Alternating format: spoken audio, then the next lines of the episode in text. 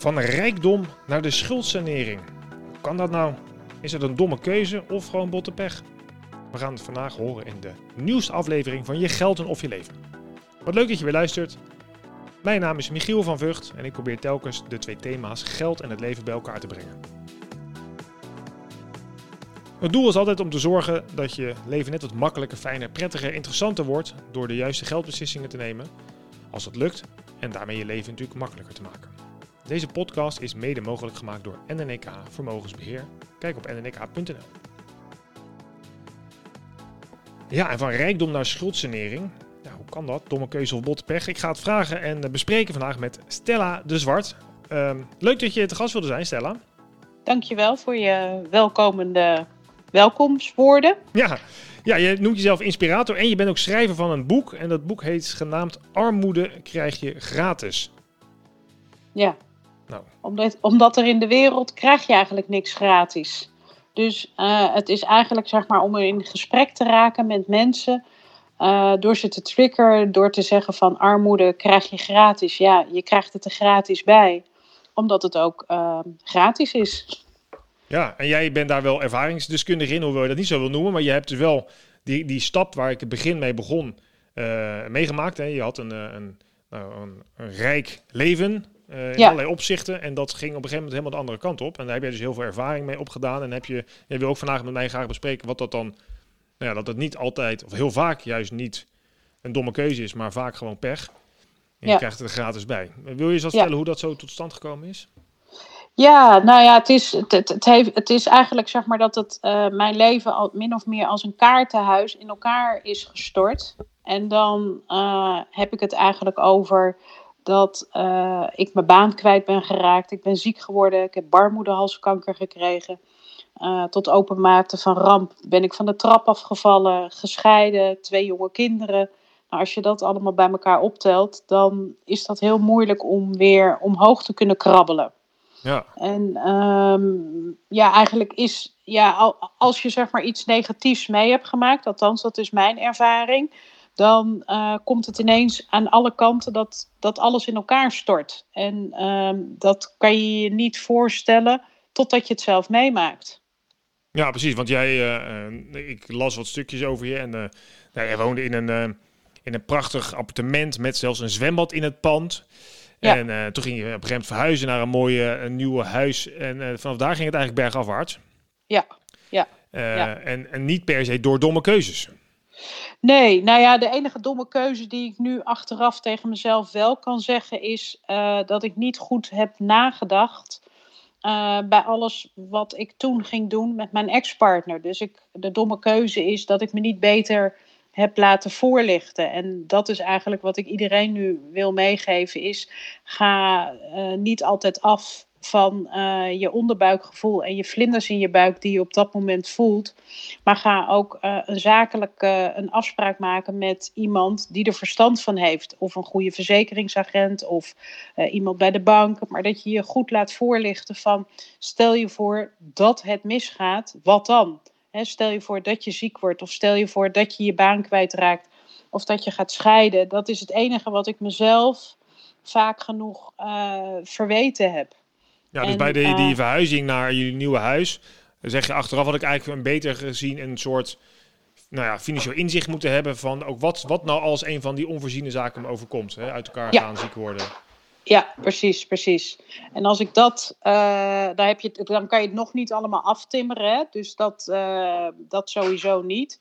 Maar als je uh, op een bepaalde manier um, je beter voor, als ik me beter had voorbereid, dan had dat mij achteraf gezien minder, minder uh, kopzorgen gezorgd, voor gezorgd. Ja, precies. Want uh, had, je, had je dan iets kunnen voorkomen? Ik bedoel, uit elkaar gaan, dat, dat, dat, dat voorkom je niet met een verzekering natuurlijk. Maar, dus dat, nee. dat gebeurt. Maar had je dan de gevolgen daarvan wel kunnen uh, in verzekeren of achteraf gezien?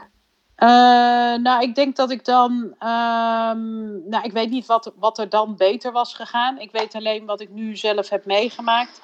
Is dat ik gewoon niet goed op de hoogte was van hoe pak ik de dingen aan zoals de dingen aangepakt moesten worden.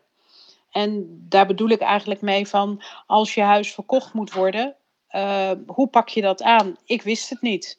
En ik heb ehm, ja, veel loketten in Amsterdam gezien om daarbij geholpen te worden eigenlijk.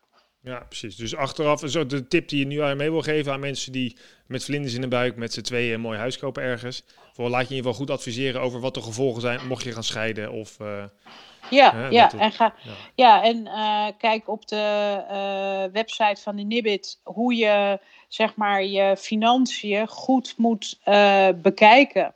En hoe je de verdeling gaat maken. En dat je gewoon ook kijkt naar elkaars inkomen. Van, uh, dat je die berekening goed met elkaar doorneemt. En uh, als je kinderen krijgt van ja, wie gaat er minder of meer werken en uh, hoe, hoe wil je dat goed verdelen en hoe wil je daar goed mee omgaan om ja, te zorgen dat het niet misloopt tussen elkaar. Zodat je elkaar wel de ruimte kan geven om te kunnen ontwikkelen en ja. om al de dingen te kunnen doen die, die je wel wil doen. Ja, precies. Het is wel aardig wat je geeft wat voorbeelden. Ik, ik heb zelf toevallig laatst ook met mijn financieel planner gezeten. En toen hebben wij een risicoverzekering op ons leven hier afgesloten. Dat was ook voor nodig voor de hypotheek. Maar toen, toen dachten we eigenlijk heel simpel van, nou weet je, je, je laat gewoon de hypotheek aflossen en dan is het wel goed. Ja. Die, hij zei, ja, maar je moet eigenlijk verder denken, want stel een van de twee valt weg en die gaat, die overlijdt. Ja, ga je dan, blijf je dan wel fulltime werken? Ja, Precies. Ja, ja, weet je, ik is ook met die kinderen thuis. Nou, waarschijnlijk niet. Nee, dus moet je eigenlijk je verzekering misschien wel verhogen. Dus dit gaat veel verder. Die scenario's is wel, uh, ja, het is wel belangrijk om daar goed over na te denken. Het is, het is ja, lastiger dan het misschien lijkt. Ja, ja. Dus toen ging je, ja, ga, eh, sorry, ga door. Nou ja, wat, wat, wat, wat mij zeg maar is overkomen is, is dat ik in 2008 een huis samen heb gekocht met mijn ex-partner op uh, Eiburg. En uh, wij hebben de hypotheek op beide namen afgesloten. Dus we waren beide hoofdelijk aansprakelijk voor uh, het huis. Ja. En um, wat, wa, ja, wat ik nu achteraf zie, wat ik niet goed heb gedaan, is dat hij de hypotheek betaalde. En ik betaalde dan gas, licht, elektra en uh, de boodschappen. Hè, dat was dan ja. in, um, op papier was dat dan naar ons beiden toe, kwam dat een beetje overeen met elkaar. Alleen als je het dan weer hebt even op geldgebied um, wie de macht heeft uh, in het huisgebeuren, was hij, omdat hij de hypotheek betaalde. Dus hij kon naar de bank laten zien van kijk, ik betaal iedere maand netjes die hypotheek en zij betaalt dat niet.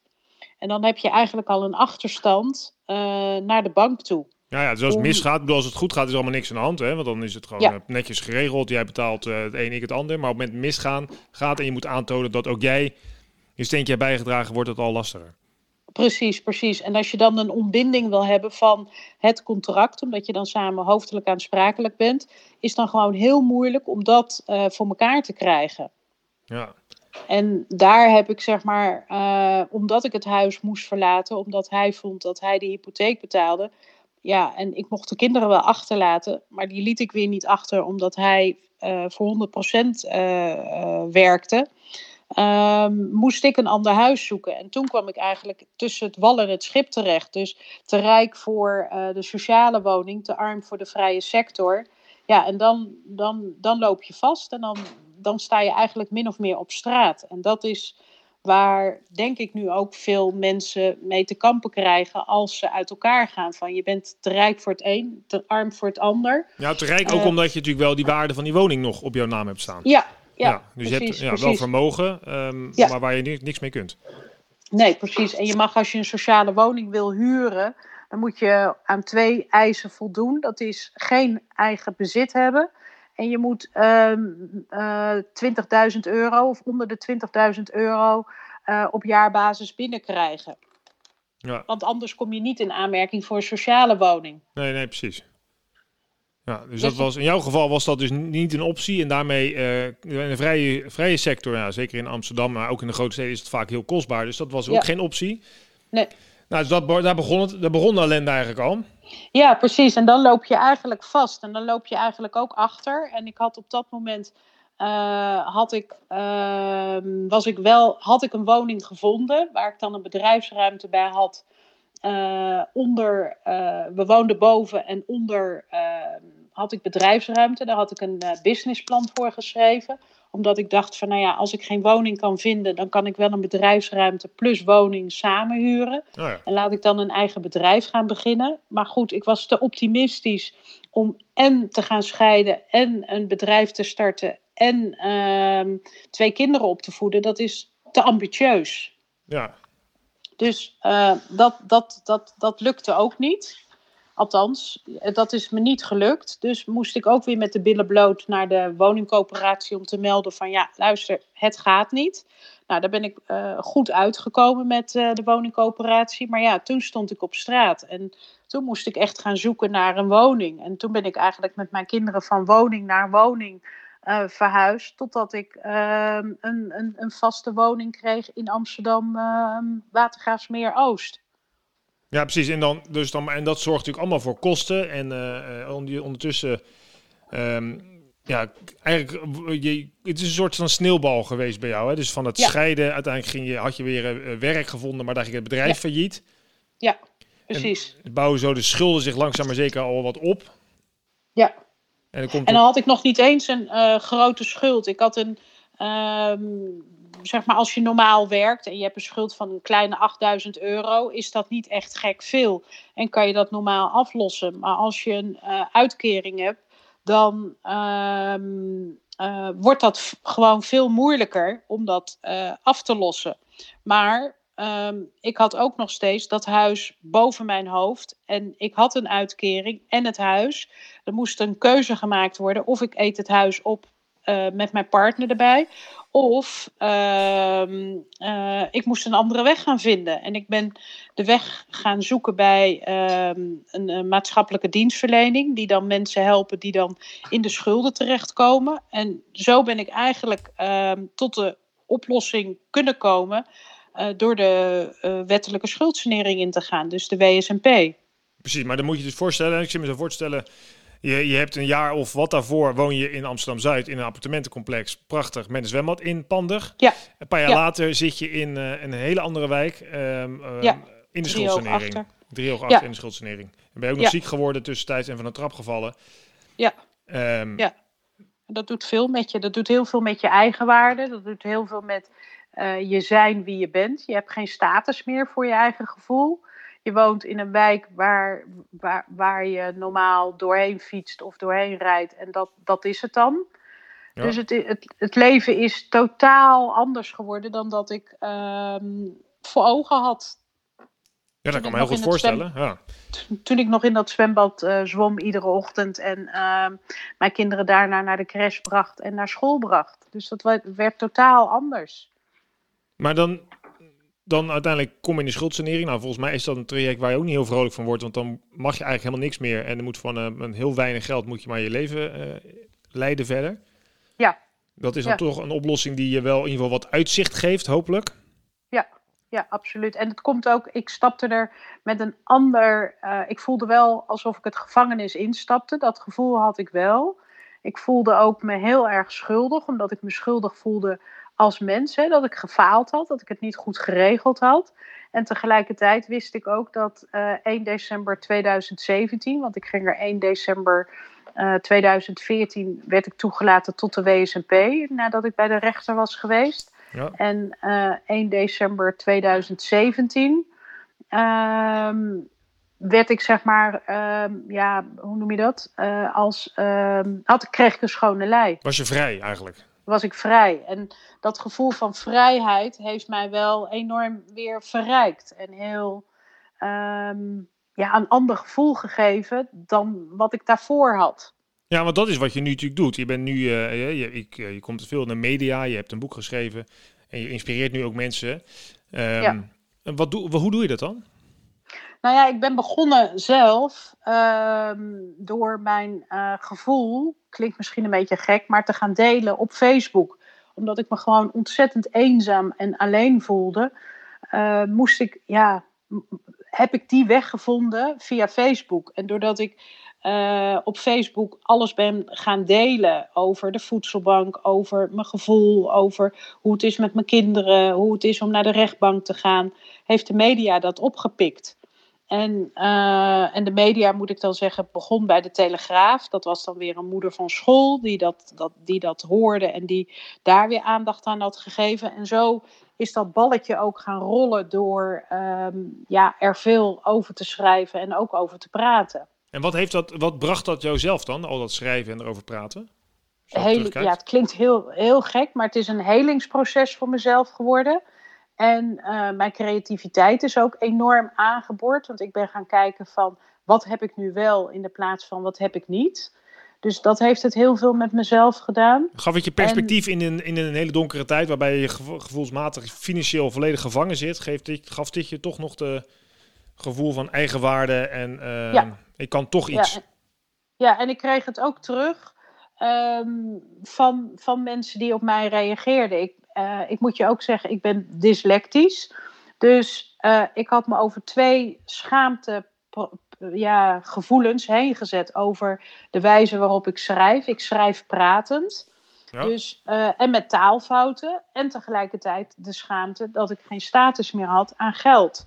Dus ik kreeg eigenlijk uh, ja, uh, complimenten en warme ja, schouderklopjes van mensen die ik totaal niet kende. En dat gaf weer mijn eigen waarde eigenlijk terug. In, en hoe, hoe gebruik je nu jouw, die ervaring die je toen hebt opgedaan? Want je bent nu, probeer je ook anderen die ook in een vergelijkbare situatie zitten, bijvoorbeeld te inspireren. Wat, hoe doe ja. je dat? Door uh, goed te luisteren wat de andere vertelt. Uh, en te kijken naar wat de persoon zelf als mens in zich heeft. En daarop in te zoomen. En dan zie je eigenlijk dat iemand zelf uh, in de spiegel gaat kijken.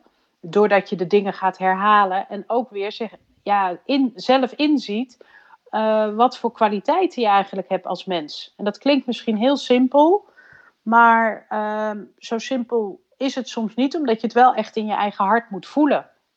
En hoe doe je dat dan nu omdat mensen toevallig op je pad komen omdat je je boek hebt geschreven? Of is het, doe je dat ook een, een, uh, ja, via een, een, bedrijf of via een maatschappelijke organisatie? Of, hoe, uh... Nee, ik doe dat eigenlijk allemaal op eigen naam. Dus dat gaat eigenlijk, ja, omdat ik dan gevraagd word, bijvoorbeeld, ik noem maar even iets bij uh, Jeroen Pauw was dat pas. Ja. Pauw komt binnen. nou, dan krijg ik daarna krijg ik heel veel mails van heel veel mensen. Nou, dan stuur ik een mailtje terug en dan vertelt iemand zijn hele verhaal aan mij, wat hij allemaal heeft meegemaakt. En daar reageer ik op. En zo uh, blijf je in contact met andere mensen. En die bedanken je er weer voor dat je een spiegel hebt voorgehouden. Ja, het ja. Is, klinkt heel raar, maar je hebt iets wat je samen hebt gedeeld. En dat is toch uh, of armoede of schulden of dat je schaamte had. Ja, en als je dat ergens kan delen, dan voel je je ook weer gezien en gehoord. Maar is het dan zo dat je daar, doe je dat helemaal onbaatzuchtig? Ja. Omdat je zelf ja. die ervaring had van, nou ja, ik weet hoe, hoe, hoe nijpend zo'n periode is.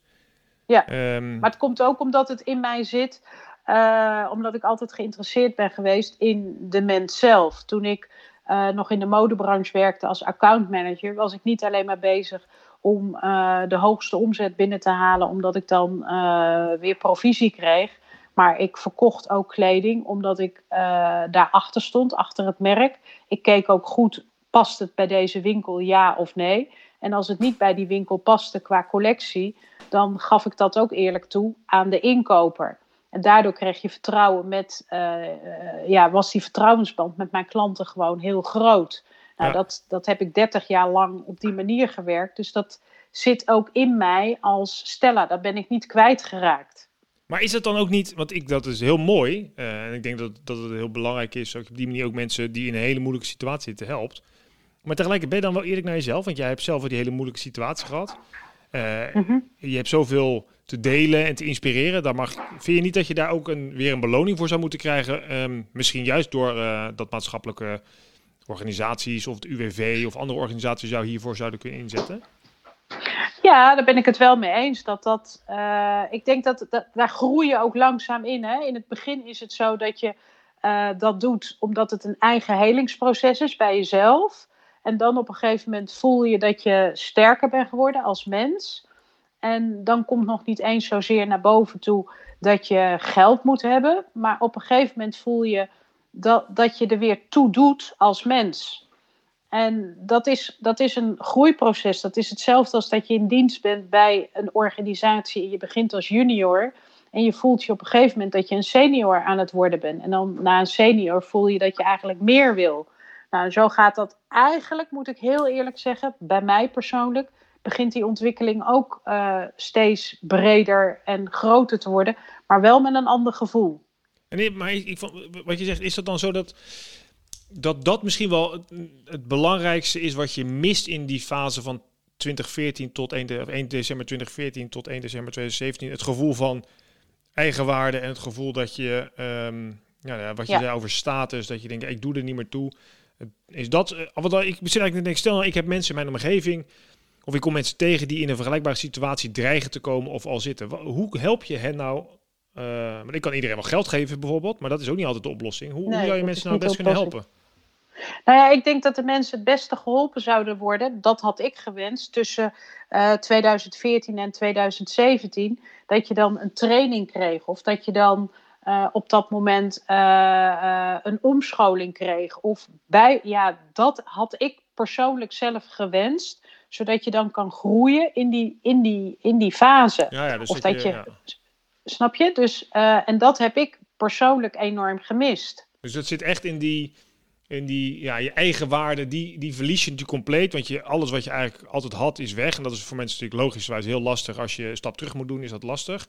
En, en, jij moet een hele grote stap terug doen. Dus dan, ja. En dan verlies je dus ook je status en je sociale omgeving mogelijk zelfs. En dan is je eigen waarde is eigenlijk daar de... Maar stel je voor nou dat je echt, want dat is nog vanuit de, hè, dat je dat aangeboden krijgt. Maar als stel nou uh, mensen die dit horen of die, en die zeggen, ik heb mensen in mijn omgeving die dit hebben. Hoe, hoe zou jij hoe zou je hen het beste kunnen helpen? Als zeg maar. Um, begrijp bedoel je? Ja, dus zeg maar de sociale omgeving van eh, jouw sociale omgeving. Wat heeft hij goed gedaan of wat had hij beter kunnen doen in die periode? Um, ja, wat zou de. Nou ja, ik denk dat de sociale omgeving mensen gewoon veel meer zouden moeten helpen. Uh, met praktische dingen die er op dat moment zouden kunnen zijn. Dus in ieder geval een luisterend oor bieden. Dat is, dat is nummer één, wat, wat gewoon heel belangrijk is. En dat er niet geoordeeld wordt. En uh, het is heel belangrijk dat je gewoon nog wel mee kan draaien in de maatschappij. Dat is, hè, als je kan werken, dan moet je niet de mindset hebben van ja, maar ik werk alleen maar om die schuld af te lossen. Nee, je werkt ook om uh, te groeien als mens. Ja, precies. Dat is heel belangrijk. Dus het gaat dus niet dus als je mensen hebt, dus ik denk die luisteraar die dit hoort, en ja, ik ken ook mensen in mijn omgeving die misschien zelfs in de schuldsanering zitten of het financieel heel moeilijk hebben met schulden. Dan zit het vaak, misschien is het meer het luisterend oor wat je zegt en hun perspectief geven of samen dingen opbouwen, is misschien nog wel belangrijker dan hun 100 euro geven om daar boodschappen van te doen. Ja, want die 100 euro, dat is even voor dat moment uh, prettig, hè? want dan heb je even geen zorgen. Maar na de drie jaar dat je uit die schuldsanering komt, gaat je leven gewoon door. Ja. En dan moet je gewoon wel weer grip hebben op uh, je financiën. Dus ja, ik, ik, ik ben heel erg voor kennis delen. En als je kennis kan delen in de zin van uh, een budgetcoach. En je hebt iemand in je omgeving die een budgetcoach is. Ga goed naar je financiën kijken. Hoe je het daarna ook kan doen. Maar kijk ook weer naar wat zijn je hobby's. Waar, waar haal je echt voldoening uit? Om ehm, eh, eh, je hoofd boven water te kunnen houden. Ja, zo eigenlijk een hele andere kijk op, uh, zoals ik van tevoren had bedacht in ieder geval, op dit thema. Dus het gaat dus niet zozeer, ja, die geldproblemen zijn er, die moeten worden opgelost. Daar is een programma voor, hè, dat, de, de, ja, de WSMP zoals je noemde. Ja. ja. Um, maar daar, wat misschien heel erg onderschat wordt, is juist, uh, het als bij mijzelf merk ik, de, de impact die het heeft op het zijn en het, de well-being, zeg maar in het Engels gezegd, van de mensen die dat ondergaan. Ja, ja, ja. En bijvoorbeeld, ik was gewend om altijd naar de sportschool te gaan. Hè? Niks is lekkerder naar de sportschool te gaan, uh, binnen te komen. Je wordt herkend, er wordt goedemorgen, goedemiddag gezegd. Je, gaat naar de, je hebt gesport, je gaat daarna naar de sauna toe, Turks bad. Nou, dat vond ik allemaal heel erg prettig. Maar op een gegeven moment valt dat weg. Ja. ja, valt dan ook weg dat je niet meer kan gaan hardlopen. Ja, ik ben gaan hardlopen iedere dag uh, langs uh, de Ringdijk. En dan maak ik op een bepaalde manier ook mijn hoofd weer leeg. Dus ja, ik ben gaan kijken naar wat ik wel heb in de plaats van wat ik niet heb. Waardoor je veel creatiever wordt ehm, dan als je zeg maar die 100 euro extra binnen hebt gekregen van uh, iemand. Ja, precies. Ja, ja, precies. Dus uh, wordt het gedrag... eerder een, uh, een hardloopmaatje worden dan maar even de boodschappen kopen een keer. Ja, ja, of een wandeling maken, of gaan fietsen. Of er is zoveel moois te zien en te doen. zonder geld ook nog. En nogmaals, uh, ik hou ook nog steeds van bubbels en ik hou ook nog steeds van een lekker glas wijn en kaas. En, maar als het er niet is, kan ik wel steeds blijven eh, kijken naar dat dat er niet is. Maar ik kan ook kijken, uh, ja, door bij wijze van spreken een moedbord te maken, zodat ik een, een, een plaatje heb hoe ik het in de toekomst wel ja. weer moet hebben. Dat ben ik veel gaan doen met mijn kinderen. Moodboards gaan maken en wensen uitspreken. Een wenspot gaan maken. Papiertjes in die wenspot gaan doen. Ja, ja precies. Het zijn misschien gekke dingetjes, maar ja. Ja, maar dat zijn wel die dingen die je mindset daarmee wat, wat positiever in, uh, invult denk ik. Ja. ja, ja tot slot, ja. Stella, want we zijn er bijna door de tijd heen weer. Uh, even over je boek nog. Armoede krijg je gratis. Ik heb nog een minuut maar. Dus voor wie is dat met name bedoeld? Wie moet, is het tegen je? Laat, uh, dus ik snap dat dat uh, iedereen moet natuurlijk kopen. Maar waar, waarvoor heb je het geschreven en, en wat is de ideale lezer? Nou, wa waarvoor ik het heb geschreven is voornamelijk voor de beleidsmakers, voor ministers, voor directeuren, voor mensen die aan het roer staan om begrip te krijgen voor de mensen waarvoor het bedoeld is als er een beleid gemaakt moet worden. Zodat je ziet dat een mens een mens is en niet een nummer is. En als je mijn boek leest, dan krijg je een beetje een idee van hoe het kan gaan als je alles hebt en alles verliest. Maar dat toch weer je eigen waarde terug kan komen door goed te voelen wie je zelf bent als mens. En dat is gewoon belangrijk om um, ja, als beleidsmaker, als directeur, als minister, als ambtenaar goed te beseffen van we zijn bezig met mensen en niet om um, indruk te maken op uh, de organisatie of op uh, je bent bezig met een gemeenschap. Ja, ik denk dat dat gewoon heel belangrijk is. En zeker in deze tijd dat we weer een wederopbouw moeten hebben met elkaar, denk ik dat mijn boek ja, daar wel een inspiratiebron voor kan zijn. Nou, laten we daarmee want afsluiten. Je krijgt, want je krijgt tenslotte armoede gratis. En ja. Ja. Um, ja, ja, dat is het eigenlijk. Super fijn dat je je verhaal wilde delen en dat je zo open bent geweest. Ja, graag gedaan. Um, ik wens je heel veel uh, succes, plezier en voorspoed toe in alle zaken. Ja, dank je. Dat komt zeker goed. Dat en... vertrouwen houden en hoop houden. Ja. Dat is belangrijk. Zeker. Ben ik helemaal met je eens. Dankjewel, Stella. Oké, dank je. En uh, jullie weer bedankt voor het luisteren natuurlijk naar deze podcast. Wil je, de, vind nou interessant, deel hem dan vooral. En uh, je helpt me sowieso met mijn persoonlijke doel om 10 miljoen mensen te bereiken door deze podcast een waardering te geven op iTunes, Spotify of waar je hem ook kan waarderen. Um, dan wordt hij makkelijker gevonden. Wil je meer informatie of in contact komen met uh, Stella? Dat vind je in de show notes haar profiel. Dan kun je daarop klikken en dan kom je bij haar profiel terecht. Of stuur mij een berichtje via michielvanvugt.com, vugt met V-U-G-T. Uh, nogmaals, dank voor het luisteren en uh, tot volgende week.